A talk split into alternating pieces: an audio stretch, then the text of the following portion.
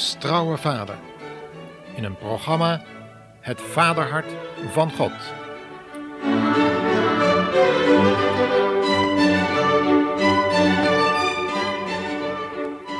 Welkom luisteraar in onze serie programma's van de Stichting Adullam over huwelijk en gezin. De vrouw die voor mij aan de tafel zat, twijfelde aan Gods trouw. Nooit had zij Gods beeld in haar eigen vader herkend. Trouw en liefde waren woorden, laat staan vergeving, die in haar leven zonder inhoud waren gebleven. Als kind had ze al moeten leven met een volledige afwezigheid van een vader, een gebroken gezinsleven dus. Misschien werd u, werd jij, ook zo'n wees, omdat de ouders carrièrejagers waren of worden er bij deze vragen jeugdherinneringen losgemaakt van verbroken beloftes, verwaarlozing en ruzies tussen vader en moeder? Sommige jonge mensen hebben als baby urenlang geschreeuwd om de aandacht en liefdevolle koestering, maar er kwam niemand op te troosten en te helpen. Levensgrote problemen kwamen sindsdien op je af, maar niemand vroeg hoe je die moest verwerken. Er zijn er meer die dit moesten ondergaan zoals in Psalm 142 staat geschreven. Luister maar eens mee. Ik zag uit ter rechterhand en zie, zo was er niemand die mij kende. Er was geen ontvluchten mogelijk. Niemand zorgde voor mijn ziel. Ik sta hier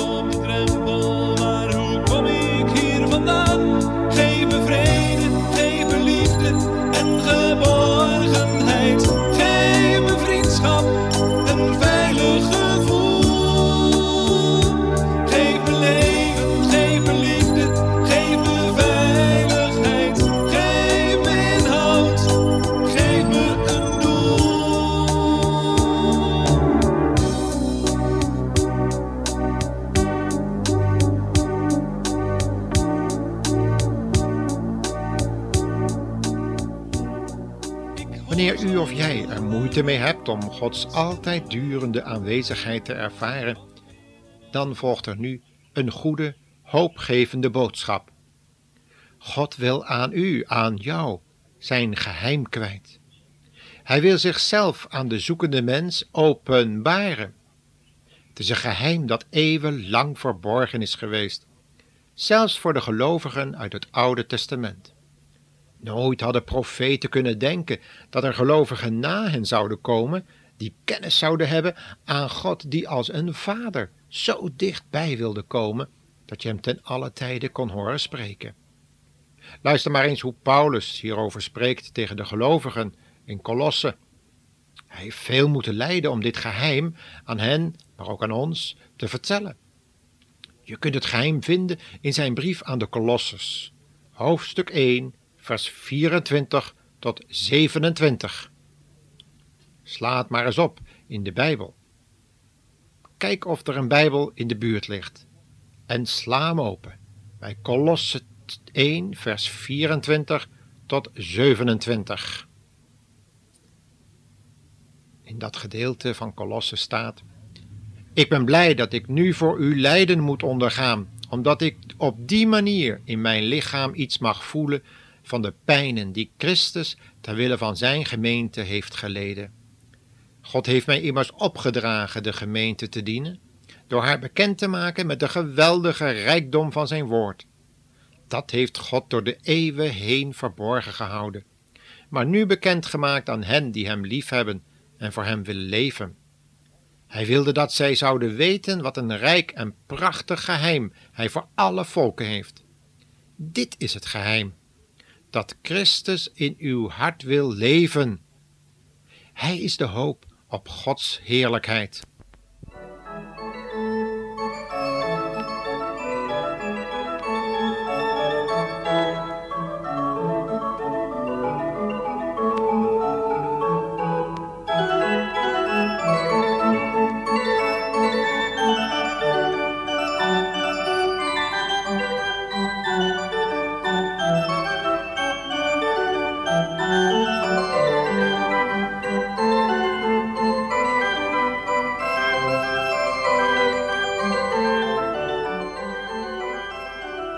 Zult u misschien zeggen: Maar als hij dan zoveel van mij houdt, waarom voel of zie ik hem dan niet? Maar het is niet God die hierin tekortschiet. We hebben zojuist gehoord dat God het geheim heeft geopenbaard, wat vele gelovigen uit het Oude Testament was verborgen gebleven. Het was het geheim dat God als een liefhebbende Vader door de inwoning van Christus in het hart voor ons wil zorgen, ons nabij wil zijn, wil koesteren en leiding geven, bewaren en hoop voor de toekomst wil geven. Wij mensen zijn dus tekortgeschoten om zijn stem te vernemen. Wij luisteren zo vaak en intens naar andere stemmen en geluiden dat de stem van God, de Vader, op de achtergrond verdwijnt. Je kunt het vergelijken met de radio waarnaar je nu luistert. Je kunt de stem die je nu hoort wegdraaien door op een andere zender af te stemmen, terwijl het woord op de achtergrond verdwijnt en wordt verdrongen door andere geluiden. Maar dat was uw keuze, niet de mijne, waardoor dat geluid van Gods woord verdween uit uw leven. Zo kunt u ook God niet de schuld geven van alle ellende op deze aarde. Het was de keuze van de mensheid waartoe u behoort, niet die van God. Wie heeft er voor de stem van de slang gekozen? God toch niet? God had immers juist gewaarschuwd voor de boom van kennis van goed en kwaad. Mensen hebben van nature namelijk niet het vermogen om goed en kwaad te onderscheiden. Daar hebben wij mensen God voor nodig en zijn woord. Wanneer wij God opzij zetten en zijn woord niet lezen, dan vermengen wij goed en kwaad. En dat deed trouwens de valse profeet Biliam in de tijd van Israël al. Maar God liet zijn schepsel niet zomaar los. Hij wil graag zichzelf openbaren. Maar hoe reageren we op deze boodschap? Nemen we Gods vergevende liefde eigenlijk wel aan? Of verwerpen we zijn aanbod, wat gedaan werd door de komst van Jezus Christus, die het vlees geworden woord van God wordt genoemd?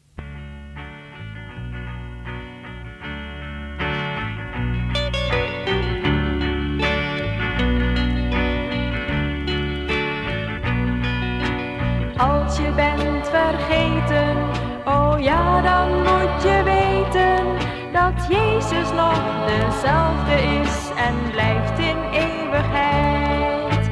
Hij wil nog steeds vergeven wat je ook hebt misdreven, maar jij moet alles geven, want pas dan word je bevrijd. Als je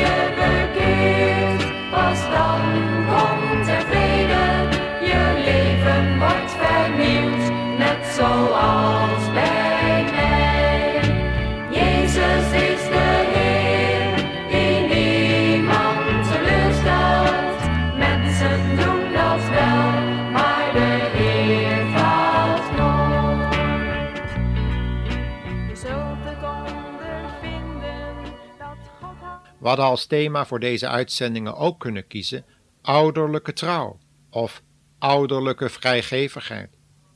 Maar het leek ons beter om God als trouwe vader te schetsen, die zijn schepsel nooit zomaar in de steek laat, maar opzoekt, terwijl het zichzelf in uiterste moeilijkheden heeft gebracht. Toen Jezus op aarde kwam, was de trouw onder mensen ver te zoeken. Profeet Malachi beschrijft met scherpe woorden de ontrouw van de geestelijke leiders van die tijd. Mannen verlieten hun vrouwen en woonden samen met andere vrouwen. Ondertussen gingen ze gewoon door met godsdienstige praktijken in de tempel, zoals dat tegenwoordig ook gebeurt. Vaak zitten ze nog voor in de kerk ook. Vandaar dat Heer Jezus zei dat ze het huis van zijn vader tot een koopmanshuis gemaakt hadden.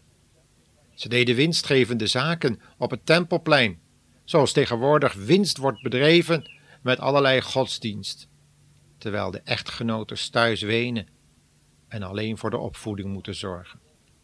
Is het wonder dat Malachi de volgende woorden uitsprak, woorden die ook nu uitgesproken kunnen worden? Luistert u maar eens.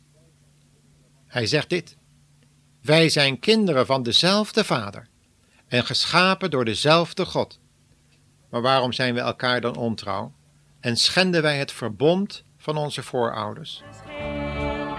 Van welke grote ben jij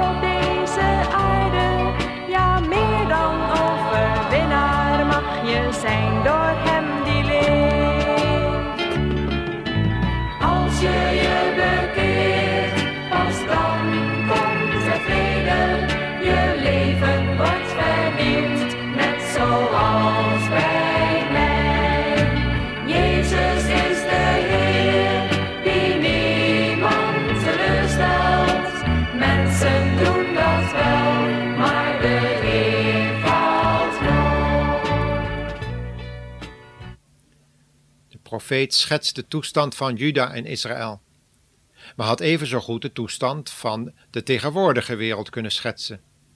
Want er is nog nooit zo'n ontrouw geweest tussen mensen als nu. Allerlei verbonden worden verbroken, verdragen niet nagekomen, overeenkomsten geschonden, en men geeft hiervan elkaar de schuld, natuurlijk.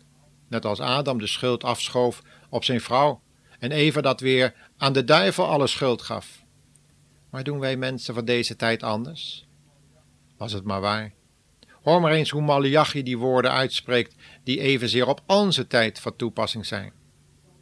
Hij zegt dit. Dan is er nog iets. Het altaar van de Heere wordt overstelpt met tranen, omdat hij niet langer aandacht schenkt aan uw offers en u geen zegen meer van hem verwacht. Waarom? vraagt men zich af. Waarom heeft God ons verlaten? Omdat de Heere er getuige van is geweest hoe u de vrouw met wie u als jonge man trouwde, ontrouw bent geworden. Zij was toch de levensgezellin en de vrouw voor wie u beloofde trouw te zorgen? U werd met die vrouw verbonden door God. Volgens zijn wijze bedoelingen werd u door het huwelijk één in zijn ogen. En wat wil hij nu van u? Gelovige kinderen uit uw echtverbintenis. Pas daarom op voor uw hartstocht. Blijf trouw aan uw eigen vrouw. Want ik haat echtscheiding, zegt de Heere, de God van Israël. En ik haat mensen die geweld plegen. Wees daarom op uw hoede voor hartstocht en wordt uw vrouw niet ontrouw.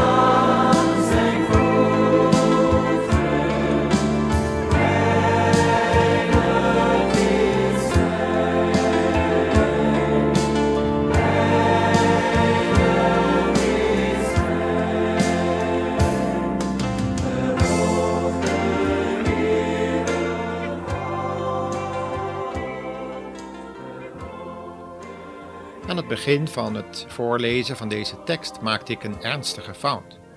Misschien heeft u het wel gemerkt. Ik zei: Omdat hij niet langer aandacht schenkt aan uw offers en u geen zegen meer van hem verwacht. Maar dat staat er niet. Er staat in werkelijkheid: Omdat hij geen langer aandacht schenkt aan uw offers en u geen zegen meer van hem ontvangt. Dus het gaat niet om de zegen die wij verwachten maar het gaat om de feitelijke informatie. En dat is dat God geen zegen kan geven wanneer wij zo bijzonder ontrouw zijn in onze maatschappelijke belangen, in de situatie binnen het gezin. De liefde van een veilig en goed gezin heeft God ingesteld om de opgroeiende nieuwe generatie te leren wat liefde en geborgenheid is, om hen zo voor te bereiden zijn liefde te ontvangen. Als ouders er niet in slagen om deze voorbereidingstijd goed in te vullen door Gods gedachte over huwelijk en gezin te verwerkelijken, groeien de kinderen op tot verwrongen schepselen, zonder besef van liefde en vergeving. Maar er wacht een liefdevolle, vergevende vader op ieder die naar liefde en vergeving zoekt. God is een vrijgevige God, die de hemel als het ware heeft leeggegeven door zijn eigen beeld naar deze aarde te zenden, zoals televisiebeelden bij u op de beeldbuis verschijnen en zo uw huiskamer en leven binnentreden. Met dit verschil dat Jezus een tastbare verschijning is geweest. In de volgende uitzending willen we over deze vrijgevigheid van God nader ingaan. Luistert u weer mee? God zegen u, luisteraar.